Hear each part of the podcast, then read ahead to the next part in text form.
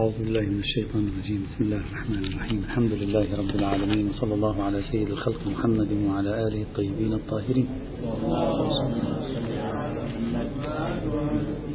شرعنا بحمد الله تعالى في البحث عن الأدلة التي سيقت أو يمكن أن تساق لإثبات قاعدة باسم قاعدة العدالة.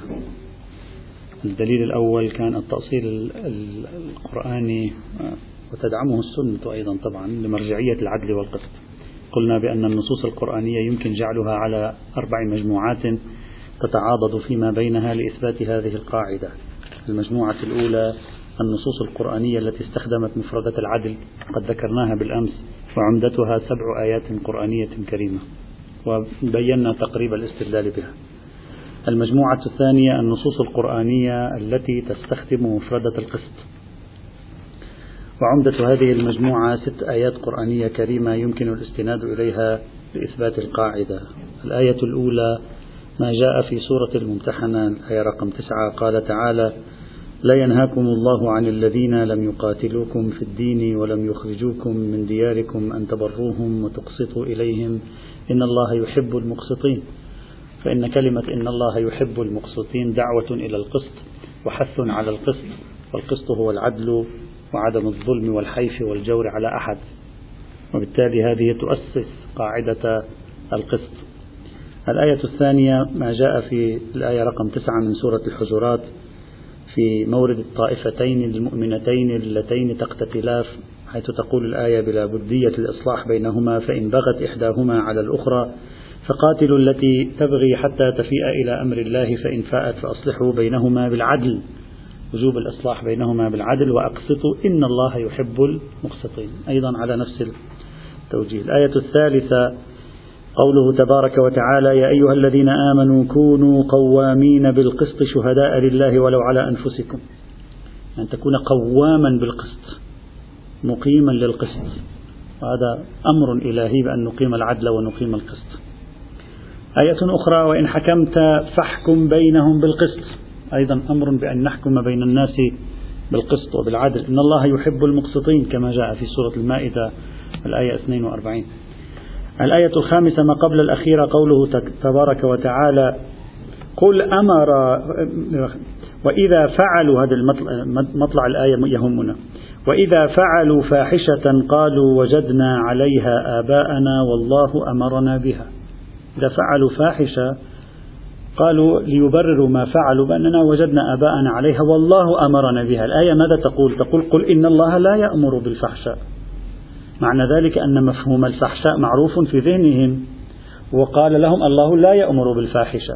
فعندما يقول الله لا يأمر بالفحشاء يعني الفحشاء مفهومة لديهم. يعني هم يعرفون أن هذه فاحشة ويدعون أن الله أمرهم بها ثم يقول لهم الله لا يأمر بالفحشاء. فتقولون على الله ما لا تعلمون؟ قل أمر ربي بالقسط. يعني الله سبحانه وتعالى أمر بالقسط. وأقيموا وجوهكم عند كل مسجد. الآية الأخيرة قوله تبارك وتعالى لقد أرسلنا رسلنا بالبينات وأنزلنا معهم الكتاب والميزان ليقوم الناس بالقسط. أيضا. هذه المجموعة تعلن أن هدف بعثة الأنبياء ما يحبه الله ما أمر به الله هو القسط والعدل بين الناس. والقسط والعدل بين الناس مفهوم مدرك ندركه نفهم ما معنى القسط والعدل بين الناس أن لا نظلم أحدا. وبالتالي نحن مخاطبون بهذا الأمر وهذا الأمر مفهوم بالنسبة إلينا ونستطيع أن نطبقه فنحن ملزمون بأن نطبق هذا الأمر. فكيف يعقل بهذا الإله الذي يذكر مثل هذه الآيات القرآنية أن يكون في أحكامه شيء هو ظلم وأن يكون في أحكامه شيء على خلاف القسط هذا المجموعة الثانية. المجموعة الثالثة النصوص القرآنية التي تستخدم مفردة نفي الظلم وهذه نصوص كثيرة لا نريد أن نستعرضها. كثير نصوص تنفي الظلم عن الله سبحانه وتعالى تطالب الناس بأن لا يظلموا أنفسهم ولا يظلموا غيرهم وما شابه وما شابه ذلك. وهي بعشرات الآيات القرآنية التي تقدم لنا الله غير ظالم وتأمرنا بأن لا نظلم أو تنهانا عن أن نظلم.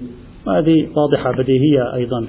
كيف يعقل أن يكون الله سبحانه وتعالى العادل في الدنيا وفي التشريع والعادل في الآخرة وفي الجزاء والعقاب؟ كيف يمكن أن يأمرنا في موارد أخر بتشريعات نراها بأنها ظلم ونراها بأنها جور؟ ومن أبرز هذه الآيات أكتفي بذكر أربع آيات قوله تبارك وتعالى فإن لم تفعلوا فأذنوا بحرب من الله ورسوله وإن تبتم فلكم رؤوس أموالكم لا تظلمون ولا تظلمون. المعيار هو عدم الظلم. قال لكم رؤوس الأموال فأنتم لا تظلمون ولا تظلمون.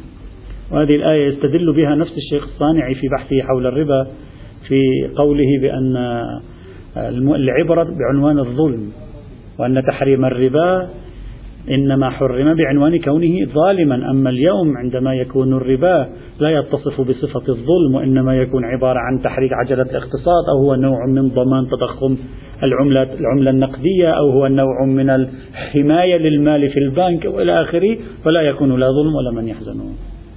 يوجد له بحث طويل في هذا وتوجد ردود أيضا على بحثه موجودة ترجم بعضها أيضا إلى اللغة العربية. آية أخرى إنما السبيل على الذين يظلمون الناس ويبغون في الأرض بغير الحق. واضح النهي عن ظلم الناس. يقول لك أنت عندما آه، تقول لا يجوز للمرأة أن تحتضن طفلها ويؤخذ طفلها منها وعمره سنتين مثلا. هذا ظلم بحقها وظلم بحق الطفل. الطفل أصلا بحاجة إلى في هذا السن إلى أمه أكثر مما هو بحاجة إلى. ربما في أزمنة سالفة كان هناك وضع معين لكن نحن هذا ندركه اليوم أن هذا فيه أذية للطفل فيه ظلم عليه. كيف يقول؟ السبيل على الذين يظلمون الناس ثم بعد ذلك هو يأمرنا بأن نظلم الناس مثلا في هذا الإطار. إنما السبيل على الذين يظلمون الناس ويبغون في الأرض بغير الحق. أولئك لهم عذاب أليم. الشورى 42 الآية الثالثة أيضا قوله مثل دأب قوم نوح وعاد وثمود والذين من بعدهم وما الله يريد ظلما للعباد. تعلن أن الله لا يريد أن يظلم العباد. فإذا رأينا في تشريعاته ما هو ظلم نكتشف أن هذا ليس من تشريعه. والآية الرابعة والأخيرة يا أيها الذين آمنوا لا تأكلوا أموالكم بينكم بالباطل إلا أن تكون تجارة عن تراض منكم ولا تقتلوا أنفسكم إن الله كان بكم رحيما ومن يفعل ذلك عدوانا وظلما فسوف نصليه نارا. اللطيف أن كثير من الفقهاء في بحث هذه الآية قبلوا أن يكون العرف هو الذي يشخص عنوان أكل المال بالباطل. كما درسنا في المكاسب. كيف نعرف أن هذا أكل المال بالباطل؟ قالوا العرف. نرجع إلى العقلاء نرجع. العرف يقولون هذا أكل للمال بالباطل. هذا المورد أكل للمال بالباطل. هذا المورد ليس أكلا للمال بالباطل. هم أدخلوا العرف والعقلاء والذهن الإنساني والتجربة الإنسانية والوعي البشري معيارا في عنوان أكل المال بالباطل. ولكن يرفضون تكملة الآية أن يدخلوا العقلاء والعرف والذهن البشري في أن يكون معيارا في فهم عنوان الظلم والعدل. كيف كان هناك معيارا ولم يكن هنا مثلا معيارا. هكذا يقول أو قد يقول المستدلون هنا بهذه الآية القرآنية الكريمة. إذا أيضا هذه المجموعة الثالثة. المجموعة صار استدلال واضح لا أريد أن أكرره. المجموعة الرابعة والأخيرة النصوص القرآنية التي تستخدم مفردة العدوان والتعدي. وأبرزها ثلاث آيات أكتفي بذكرها آية 190 من سورة البقرة. وقاتلوا في سبيل الله الذين يقاتلونكم ولا تعتدوا. إن الله لا يحب المعتدين. هذا نهي عن العدوان. الآن توجد روايات معتبرة الإسناد ويفتي على وفقها الفقهاء مثلا أن الطفل الصغير الذي عمره عشر سنوات إذا سرق أول مرة أدبناه وإذا سرق مرة ثانية أدبناه وإذا سرق مرة ثالثة قطعنا رؤوس أصابعه. طفل عمره عشر سنوات فيقول لك فقيه قاعدة العدالة هذا عدوان على على الإنسان هذا. طفل عمره عشر سنوات والله أعلم ما هي ظروفه. والله أعلم ما وضع أسرته وما وضع تربيته وأنتم كل هذه لا تأخذونها في الفقه بعين الاعتبار فقط تأخذون المخمصة في السرقة ولا تأخذونها بعين الاعتبار هذا عدوان. نعم حتى ممكن يقولوا هكذا. نعم قالوا ليس يمكن. قل القاعدة هذه يجرونها هناك لكن أنا أريد أن أعطي مثالا أوضح أشد على ال... هذا موجود في روايات معتبرة الإسناد يقول لك هذا الظلم طفل هذا. فذاك مجرم لا بأس موضوع آخر. هذا الطفل ما يدرك عشر سنوات عمره كما ورد في الرواية. الله أعلم كيف ظروفه. ربما صادق شخصا طفلا صغيرا آخر علمه على هذه العادة السلبية. أنت بدل أن تأتي تحتويه تصلحه تقوم بقطع رؤوس أنامله. قطع رؤوس أنامله في رواية أخرى تحف أصابعه بصخرة حتى ينزل الدم. هذه شوية خطر ويقول لك هذا عدوان ولا نقبل حينئذ بمثل هذه المرويات لأنها تناقض هذه النصوص القرآنية. يقول لا تعتدوا وهذا أمر بالاعتداء على الإنسان. لا يجوز. أنا أحاول أن أندمج مع تقريبهم حتى نصور فكرتهم بشكل دقيق. الآية الثانية ما جاء في سورة المائدة أيضا الآية رقم اثنين. ولا يجرمنكم شنآن قوم أن صدوكم عن المسجد الحرام أن تعتدوا. لا لا يلجئنكم فعلهم هذا أن تعتدوا على الناس لا تعتدوا على الناس حتى في مورد عدوان الناس عليكم أو صدهم لكم عن المسجد الحرام لا تمارسوا العدوان. خذوا حقكم لكن لا تمارسوا العدوان. وتعاونوا على البر والتقوى ولا تعاونوا على الإثم والعدوان. لا تتعاونوا على العدوان. هذا مفاهيم عقلائية. العدوان مفهوم عقلاء الأذى مفهوم عقلاء الظلم مفهوم عقلاء العدل مفهوم عقلاء. لماذا تريدون أن تجعلوها طلاسم؟ مفاهيم عقلائية هذه يا أخي. ليش تريد أن تجعل طلاسم تجعل أسرار؟ مثل بقية العناوين الموجودة في النصوص هذا نفسها أيضا. واتقوا الله إن الله شديد العقاب. الآية الثالثة والأخيرة قوله تبارك وتعالى يا أيها الذين آمنوا لا تحرموا طيبات ما أحل الله لكم ولا تعتدوا. إن الله لا يحب المعتدين. إذا صار تقريب الاستدلال بهذه المجموعات الأربع من الآيات القرآنية الكريمة واضحا. وفق يعني ذهنية القائلين بقاعدة العدالة ونفي الظلم صار واضح. العناوين القرآنية واضحة. في توصيف الله بالعدل وعدم الظلم. العناوين القرآنية واضحة في الأمر بالعدل والنهي عن الظلم والنهي عن العدوان والأمر بالقسط. هذا كله يشكل سياجا قرآنيا محكما فضاء قرآنيا محكما. هو الأصل في تعاملنا مع كل الأحكام الشرعية التي تأتينا في سائر النصوص. وبالتالي نعرض سائر النصوص عليها فما خالفها نضعه جانبا أو نقيد إطلاقه وما شابه ذلك. هذا خلاصة أو ما يمكن أن نبين به حصيلة استدلالهم بالنصوص القرآنية. وطبعا يذكرون نصوص روائية. أنا لم أذكر أي رواية هنا لأن الروايات هم أيضا ما شاء الله روايات كلها حث على العدل ونهي عن الظلم وأمر الناس بالقسط وإلى آخره وواضح أمرها واضح لا حاجة إلى الإطالة. وهي من كثرتها وتعاضدها لا تحتاج أيضا إلى بحث أسانيد موجودة عند جميع المسلمين. فالأمر حينئذ واضح. هذا حاصل استدلالهم.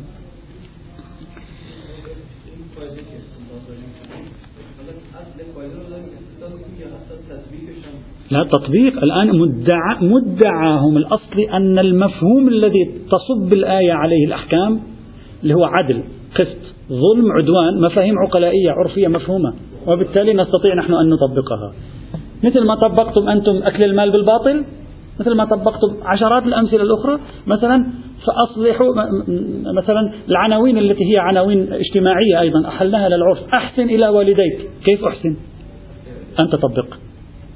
هو نفس كلمة أحسن أيضا مفهوم عدل أيضا مفهوم عقلاء هذا هو روح ادعاء. بدون هذا الروح لا قيمة لهذا الاستدلال. ولذلك كل المعركة على هذه الروح الآن.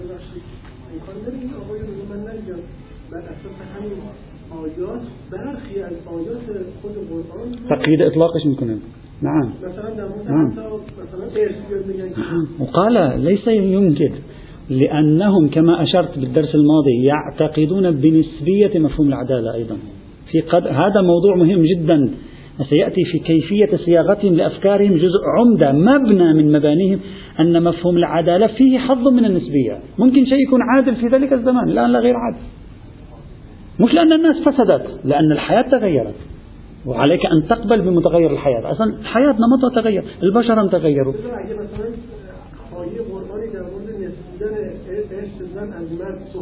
يقبلون حتى بتقييدها. هذا هو.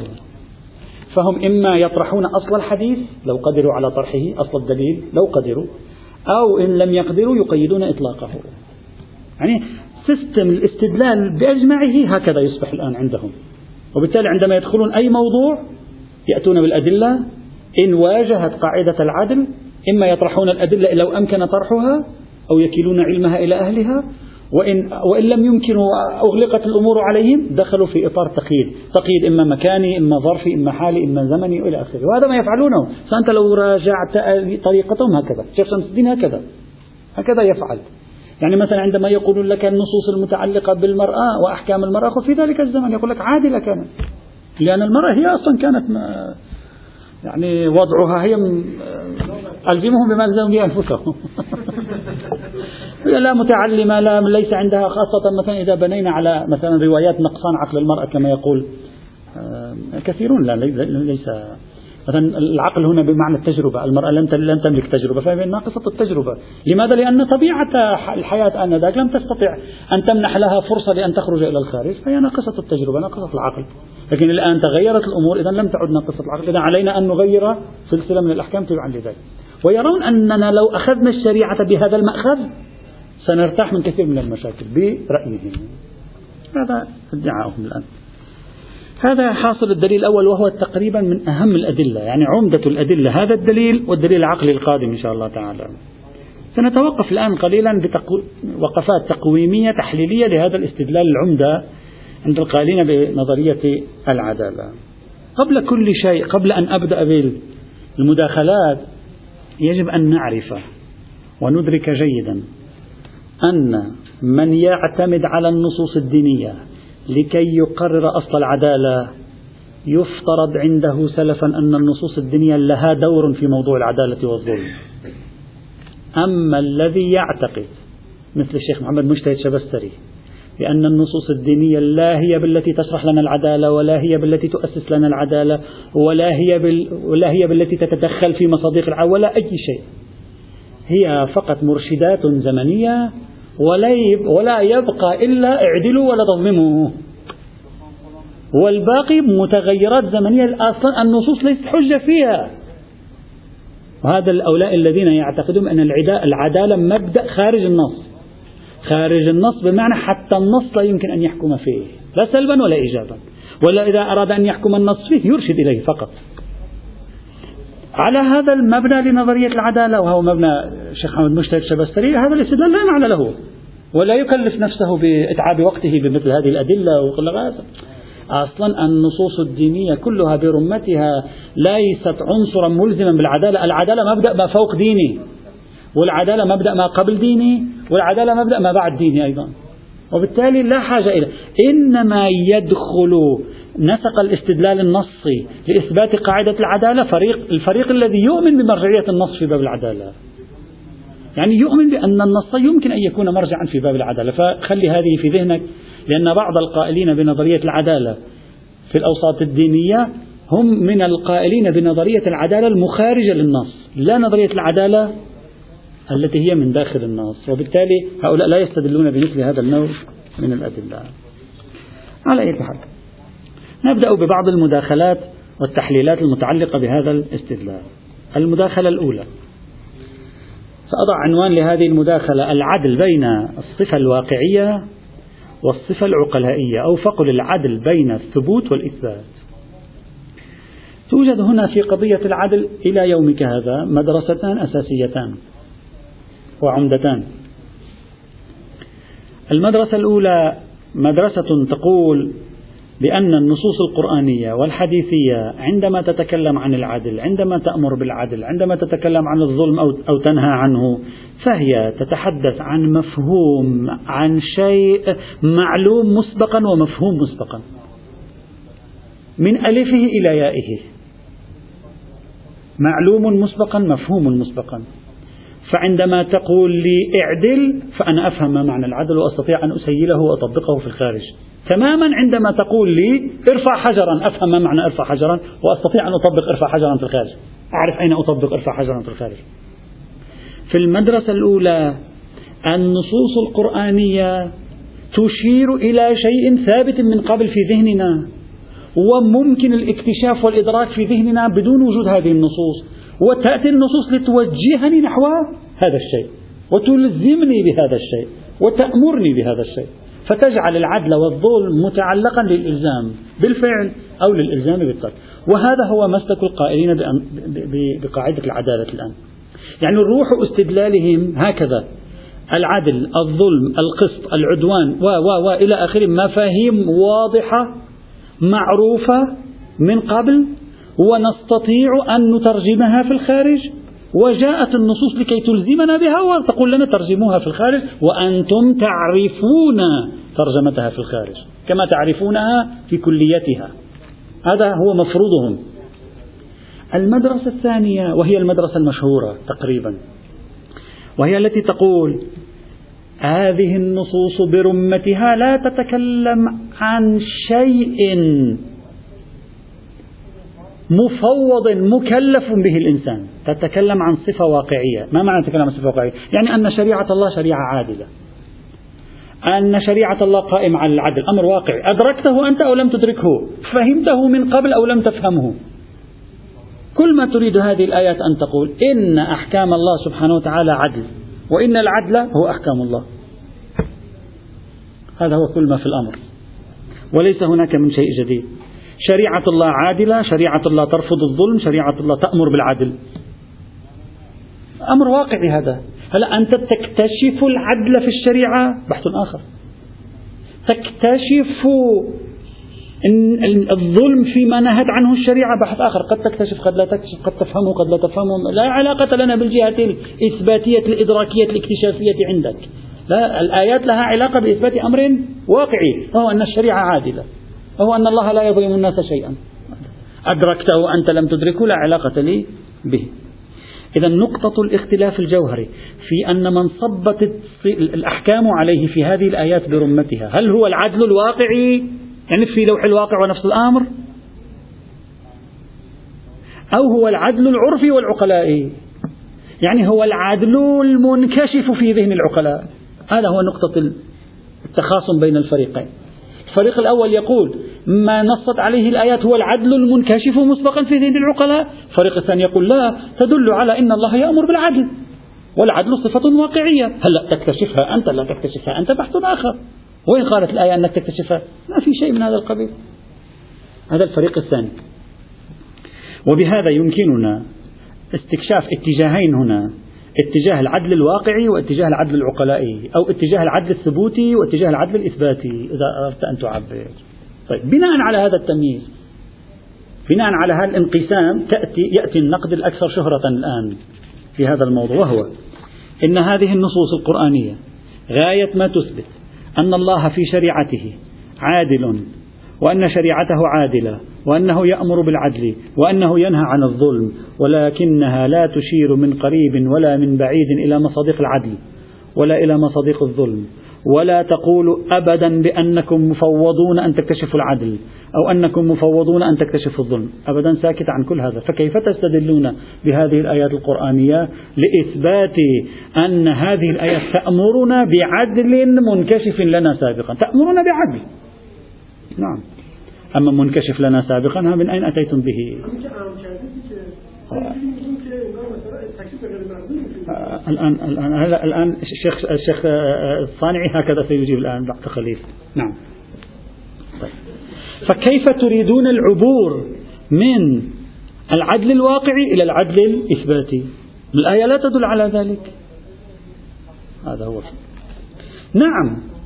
نقبل بل يقبل الجميع بأنه في بعض الموارد فوض إلينا نحن أن نشخص العدل. قد نخطأ وقد نصيب. مثلا الحاكم الشرعي فوض له في منطقة الفراغ أن يعمل بالعدل لما يشخصه هو من عدل هذا مفوض. هذا التفويض موردي هذا التفويض موردي يعني في بعض الموارد أنا مصرح لي أن أعمل بتشخيصي للعدل أما قاعدة قانونا ومقتضى هذه الآيات لا يوجد شيء يؤكد أن هذه الآيات تدل على تفويضي في أن نشخص العدل أو نشخص الظلم وأعمل على أساسه. هذه الإشكالية الأولى وهي أهم إشكالية طرحها الخصوم خصوم القائلين بنظرية العدالة. هذه الإشكالية يمكن توقف عندها من جهتين. أولا ما أجاب به الشيخ الصانعي بنفسه في بعض حواراته. الشيخ الصانعي قال لو صح هذا الكلام لكانت كل هذه الآيات أشبه باللغز. هذا تعبيره. أشبه باللغز أشبه بالأحجية. سر. لماذا أشبه بالأحجية أشبه بالسر؟ يقول الآيات تقول لي اعدل والمفروض أن العدل غير مفهوم. والمفروض أن العدل غير مفهوم هي فقط تأمرني بالعدل الواقعي. والمفروض أنني لا أعرف العدل الواقعي المفروض مسبقا أنني لا أفهم العدل الواقعي. وإذا كان الأمر كذلك أولا هذا كلامه أولا هذا خلاف حجية ظهورات القرآن. كلمة العدل لها ظهور وهذا الظهور ينبغي أن نعمل به خلاف حجية ظهورات القرآن الكريم. هذا أولا. ثانيا لو قلنا بأن الله لا يفعل الظلم والله يفعل العدل والعدل والظلم لا يفهمهما العقلاء ولا يدركهما العقل الإنساني التجريبي في الحياة. لو كان الأمر كذلك فأي معنى أن نقول للبشر إن الله عادل؟ يعني ما معنى أن الله عادل؟ فإذا كانوا ما يفهمون العدل ما هو ما معنى أن تقول لهم أن الله عادل؟ شو معنى هذا الكلام؟ لغز تصوروا معي شخصا يقول لك افعل إكس. ثم افعل إكس يعني ما معنى X ما هو ال X ما معنى هذا الكلام؟ لا نفهم شيئا. فإذا كانت كلمة العدل غير مفهومة في ذهن العقلاء من قبل ويعرفون ما معنى هذه الكلمة فإذا قال لهم اعدلوا فما معنى؟ يعني كيف نعدل؟ ننتظر آه اعدلوا خذ هذه الآية ما تفعني في شيء. علي أن أنتظر آية أخرى تقول لي افعل كذا وهو مصداق العدل وحينئذ أعمل بالآية الثانية فالآية الأولى أصبحت بلا معنى. فما معنى أن نتكلم حينئذ عن العدل وعن الظلم وعن هذه الشعارات في عشرات من الآيات القرآنية ثم بعد ذلك لا نجد لها معنى معقول بحسب ادعائكم. هذا نقد لحجية ظواهر القرآن نقد للفهم العرفي والعقلاء للنصوص والمفروض أن فهمهم حجة بل هو ضرب من التلغيز والدخول في الطلسمية أكثر ولا أقل. هذا كان إشكال الشيخ في هذا المجال. لكن هذا الجواب من الشيخ في تقدير بهذا المقدار غير مقنع. يعني هذا المقدار من الجواب لا يبدو مقنعا لأن الآخرين الذين يقولون بحجية ظواهر القرآن وأمثال ذلك لا يقولون بأننا لو عجزناك عن تحديد مصادق العدل والظلم معنى ذلك أن العدل والظلم يصبح معناهما غير مفهوم. ما قالوا ذلك؟ معنى العدل مفهوم معنى الظلم مفهوم نعرف ما معنى العدل وما معنى الظلم. كما نعرف سائر المعاني الموجودة لكن النزاع ليس في معنى العدل والظلم اللي هو معنى المدلول اللغوي للكلمة. النزاع في أن هذا المورد مصداق للعدل أو لا أو ذاك المورد مصداق له أو لا. فالشريعة أمرت بالعدل وأوضحت العدل في مئات من الموارد الأخرى فهي بالتالي تكون قد أمرتني بالعنوان ثم شرحت لي مصداق هذا العنوان فأمر حالها حال مثل أقيم الصلاة. أقيموا الصلاة بناء على ما هو الموجود الآن في الفقه الإسلامي. أقيموا الصلاة لوحدها لا تنفع شيئا. لأن أقيموا الصلاة لوحدها ما دمت لا أعرف ما هي الصلاة. على كلام الشيخ ما دمت أعرف لازم تكون الصلاة مركوزة في ذهني من قبل حتى أنا أفعلها. والمفروض أن أقيم الصلاة أمر بإقامة الصلاة هذه. فلا مانع أن تكون الشريعة أمرت بالعنوان. وفي آيات أخرى شرحت لي انطباق هذا العنوان على مصادر. فنضم الآيات إلى بعضها ولا يكون هناك إجمال أو تلغيز. على الإطلاق. هذا المقدار من استناد إلى حجية ظواهر القرآن وأن العرف العربي يفهم معنى هذه الكلمة ولو أنه لا يفهم معنى هذه الكلمة هو نوع من الطلسمية هذا لا يقوله الطرف الآخر. الطرف الآخر يقول نفهم معنى العدل. أصلا نحن نفهم معنى الظلم. لا نشك في أننا نفهم. وعندما نقول الله عادل نفهم ما معنى هذه الكلمة. أما صغريات العدالة. نحن ندعي أننا لا نفهمها. كل العالم الآن يفهمون معنى كلمة العدل والظلم لكن يختلفون فيما هو صغر العدل وما هو صغر الظلم. اختلافهم فيما هو صغر العدل وما هو صغر الظلم لا يعني أنهم لا يفهمون معنى العدل أو لا يفهمون معنى الظلم. ومن ثم صارت هذه الكلمة لغزا غير مفهوم يناقض حجية ظهورات القرآن الكريم. إذا كلام هذا الكلام في تقديري غير واضح فيما ذكره رحمه الله. ثانيا. إلى الآن إلى الآن. الآن. ثانيا سنرد الإشكال. حفظه الله حفظه الله. عفوا. عفوا. حفظه الله. نعم. ثانيا الآن الإشكال هذا الإشكال الذي قالوه من أن المراد في هذه النصوص العدل الواقعي وليس المراد منه العدل الإثبات صحيح في بعض هذه الآيات القرآنية صحيح في بعض هذه الآيات لا ينبغي الشك في صحته لكن جملة من هذه الآيات لا يعقل أن يكون هكذا معناها. مثلا لا معنى له. على مستوى الفهم العرفي أريد أن أتكلم الآن على مستوى الفهم العرفي عند المتلقي. وسأعطي مثالا تبسيطيا لكي نفهم القضية. إذا شخص قال لك أحسن إلى الناس جاء آية قرآنية تقول الله يأمركم بالإحسان. هل تفهم ما معنى هذه الكلمة أو لا؟ هل في الجملة في الجملة لا نقول بالجملة هل في الجملة تعرف مصداقها؟ نعم تعرف مصداقها. العدل أيضا نفس الشيء. إذا قال لك أمرت لأعدل بينكم نعم نعرف ما هو العدل. ونعرف في الجملة أيضا مصادقه. يعني معروف ليس شيئا غائبا غامضا. شيء معروف. أو على الأقل يظهر من النص من هذه الآيات القرآنية أن التشخيص عرفي بيد المكلف. لماذا أريد أن أسلب الآية هذه الدلالة؟ يعني أرجوك الآن تحرر من النزاع الأصول الإخباري تحرر من نزاع الأشعري المعتزلي تحرر من نزاع القائلين بأصالة بقاعدة العدالة والقائلين بنفي قاعدة الله. تحرر تماما منها. وأنت للمرة الأولى الآن أول آية نزلت على النبي وخاطب بها الناس وقال اعدلوا فيما بينكم. كيف يتلقى العرف هذه الآية برأيك؟ يتلقى يفهم ويجب علينا أن نعدل وعنده تصور مسبق عن العدالة حتى في المستوى الإجراء. الآن قد نختلف في سعة التصور وضيقه. صحيح. قد نختلف في بعض مصادق التصور. لا بأس ما في مشكلة. في كل شيء نختلف في بعض مصادقه. لكن في الجملة لما تسمع أنت هذه الآية القرآنية ماذا تتلقى؟ تتلقى أنه يجب علي أن أمارس العدل وعندي تصور مسبق عن العدل والآية لما قالت العدل فهي بالضرورة قد أخذت هذا التصور المسبق الموجود في ذهني. أخذته وتشير لي إلى هذا الذي أنا أفهمه من العدل. ليس بالما أفهمه لغة من العدل بل ما أفهمه حياة من العدل أيضا. مثل, مثل الذي أفهمه وبالوالدين إحسانا. ليش أنت في الوالدين إحسانا يحق لك أن تفسر كلمة الإحسان وتقول لي أن أفهم الإحسان. الإحسان هو أن أزورهما. الإحسان حتى لو ما في ولا رواية تشرح هذا الموضوع أن أزورهما أن أتكلم معهما بلطف أن أساعدهما عند الحاجة أن أعالجهما إذا مرض. هذا ما يحتاج إلى فيلسوف حتى يفسر هذه. هذا مفهوم عرفي. وبالتالي الآيات عندما أطلقت هذا العنوان وأمرت به أطلقته بما له من معنى عند العرف. وهذا المعنى الذي عند العرف ليس معنى لغويا يعني ما ينبغي أن يفعل وما لا ينبغي أن يفعل وإنما هو معنى حياتي عملي.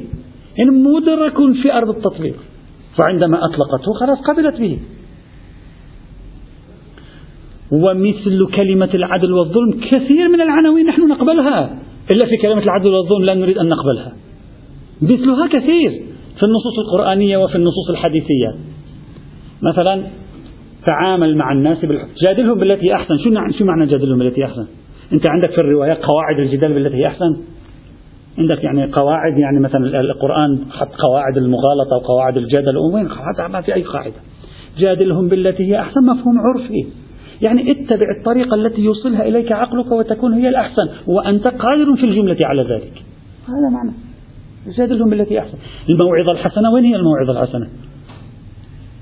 ادعو إلى سبيل ربك بالحكمة والموعظة. ما معنى الموعظة الحسنة؟ والموعظة الحسنة مفهوم مدرك ليس لغة مفهوم مدرك حتى في تسييله التطبيقي وبالتالي عندما تلقيه الآية تشير إلى هذا التسييل التطبيقي. فليس صحيحا أن أجعل خصوص كلمة العادل وخصوص كلمة الظلم وخصوص كلمة القسط مفاهيم مجردة انتزاعية فقط نفهم معناها الكلي ولا نستطيع أن ننزلها. بينما سائر الآيات والنصوص القرآنية التي ذكرت عناوين من هذا القبيل قبلنا بتنزيلها لم يشك أحد منا في ذلك. وعليه وعليه. إذا أخذنا هذا هذا الفهم بعين الاعتبار لاحظوا معي مجموع أغلب الآيات سوف تكون دالة. الآن سأخذ أغلب الآيات سأقول ما هي الآيات الدالة وما هي الآيات غير الدالة في هذا الإطار. الآيات الست الأولى من المجموعة الأولى كلها دالة. وأمرت لأعدل بينكم. الآن أنت تصور اترك كل هذه التنازع أمرت لأعدل تفهم ما معنى أعدل. يعني ما يجور على واحد ثاني ما يكون عنده محسوبيات لمصلحة شخصية لا يكون يعرف بأن الحق مع زيد ثم يعطي الحق لعامر. وهذه مفاهيم معروفة. أمرت لأعدل بينكم؟ نعم الآية واضحة. فلا تتبعوا الهوى أن تعدلوا. واضحة الآية أيضا. يعني لا تقوموا بفعل من أهوائكم ولا تعدلوا بين الناس. أيضا آية لماذا لا تريد أن تجعلها واضحة. وإذا قلتم فاعدلوا العدل في القول أيضا أمر إلهي مثل, مثل أحسن إلى والديك. نعم الآية الأخيرة غير دالة وهي قوله تبارك وتمت كلمة ربك صدقا وعدلا لأنها جملة خبرية تصف كلمة الله. هذه لا تدل على شيء. كذلك المجموعة الثانية أيضا الآيات الأربعة الأولى منها مثلا إن الله يحب المقسطين قسطا. وتقول لهم أن تبروهم وتقسطوا إليهم. ولا تشرح ما معنى البر والقسط. فلا توجد آية أصلا يمكن تشرح لك معنى البر والقسط الذين لا يقاتلوننا. وهو مفهوم عرفي. لماذا تريد أن تتشدد في تنزيل هذه المفاهيم العرفية؟ وتقول لا نحن لا نفهمها. أبدا نحن لا نفهمها. وإنما نفهم الكلية وعلينا أن ننتظر الشريعة كي ترشدنا. لا يبدو واضحا آه، مثل هذه. نعم بعض الآيات في المجموعة المجموعة الثالثة كل المجموعة الثالثة غير دالة لا أريد أن أطيل لكن أغلب المجموعات الأخرى في أغلب آياتها تكون حينئذ دل وعليه حاصل ما ندعي أن هذه العناوين المأخوذة في هذه الآيات الحق مع المستدل. عناوين مفهومة للعرف والعقلاء ولما تطلقها الآيات تطلقها بما يفهمه العرف والعقلاء ولا تقول آمركم بالعدل وانتظروا أن أشخص لكم العدل وإياكم أن تشخصوا العدل. لا يوجد عندنا هذا اللسان في أي آية أو رواية. وإياكم أنتم تشخصوا العدل وعليه الأصح أن نقول هذه الآيات القرآنية في جملة وافرة منها أوكلت هذه المفاهيم المدركة للعرف المدركة للعقلاء المدركة في كليتها والمدركة في الجملة. خلي كلمة في الجملة تحتها خط في الجملة المدركة أيضا في تطبيقها. وبالتالي تحيل إلينا أن نطبق نحن مفهوم العدل بين الناس. فما قاله المستشكل هنا من أنها تشير إلى عدل واقعي. اعدلوا أي قوموا بالعدل الواقعي. أما كيف تشخصون العدل الواقعي؟ انتظروني حتى أخبركم. يبدو خلاف الفهم العرفي وغير واضح في هذا السياق. هذا الإشكالية الأولى. فإذا ليس جواب الشيخ الصانعي صحيحا وهو أنه يلزم منه أن تصبح رمزية وتصبح طلسمية. لا ليست طلسمية مفهومة. ولكن مع ذلك إشكال المستشكل هم ليس صحيحا. والفهم العرفي يساعد على ذلك. راجعوا وجدانكم العرفي مبتعدين عن أي شيء تجدون هذا الأمر. الإشكالية الثانية. لا شك ولا ريب في أن هذه الآيات القرآنية لو تلقيناها سنفهم منها بشكل واضح أنها تريد أن تحثنا نحو العدل ونحو ترك الظلم. واضح. هذا فيما إذا لم يكن هناك نص على خلاف هذا المصداق أو للعدل وهذا المصداق للظلم الأمر فيه واضح. الحق والإنصاف الأمر فيه واضح. عندما تقول اعدل في, الأسرة اعدل في, في السلطة اعدل في القضاء المفهوم واضح. لكن ماذا لو جاءت آية أو رواية تشخص لي نقطة معينة في السلوك وكانت هذه النقطة في تخميني في ظني في قناعتي كانت هذه النقطة خلاف العدل؟ هل هذه الآيات القرآنية يمكن التمسك بإطلاقها للإطاحة بإطلاق تلك الروايات أو بأصل تلك الروايات أو العكس هو الصحيح؟ يعني هل هذه الآيات القرآنية التي نحن بصددها ناظرة إلى حالة ما لو شخصنا أمرا أنه عدل بتشخيصنا العقلاء وتزاحم هذا التشخيص مع تشخيص الشريعة في نصوصها؟ هل لها نظر أصلا؟ هذا هو محل السؤال. بصرف النظر عن وجود النصوص نعم نأخذ بهذه الآيات نطبق. يعني لو لم نكن عندنا إلا هذه الآيات القرآنية نأخذ بفهمنا فهمنا العرفي ونطبق. أما إذا كانت هناك نصوص فهل في الآيات إطلاق لحالة المزاحمة مع النصوص؟ أو لا؟ فكروا فيها هذا لن يتركنا.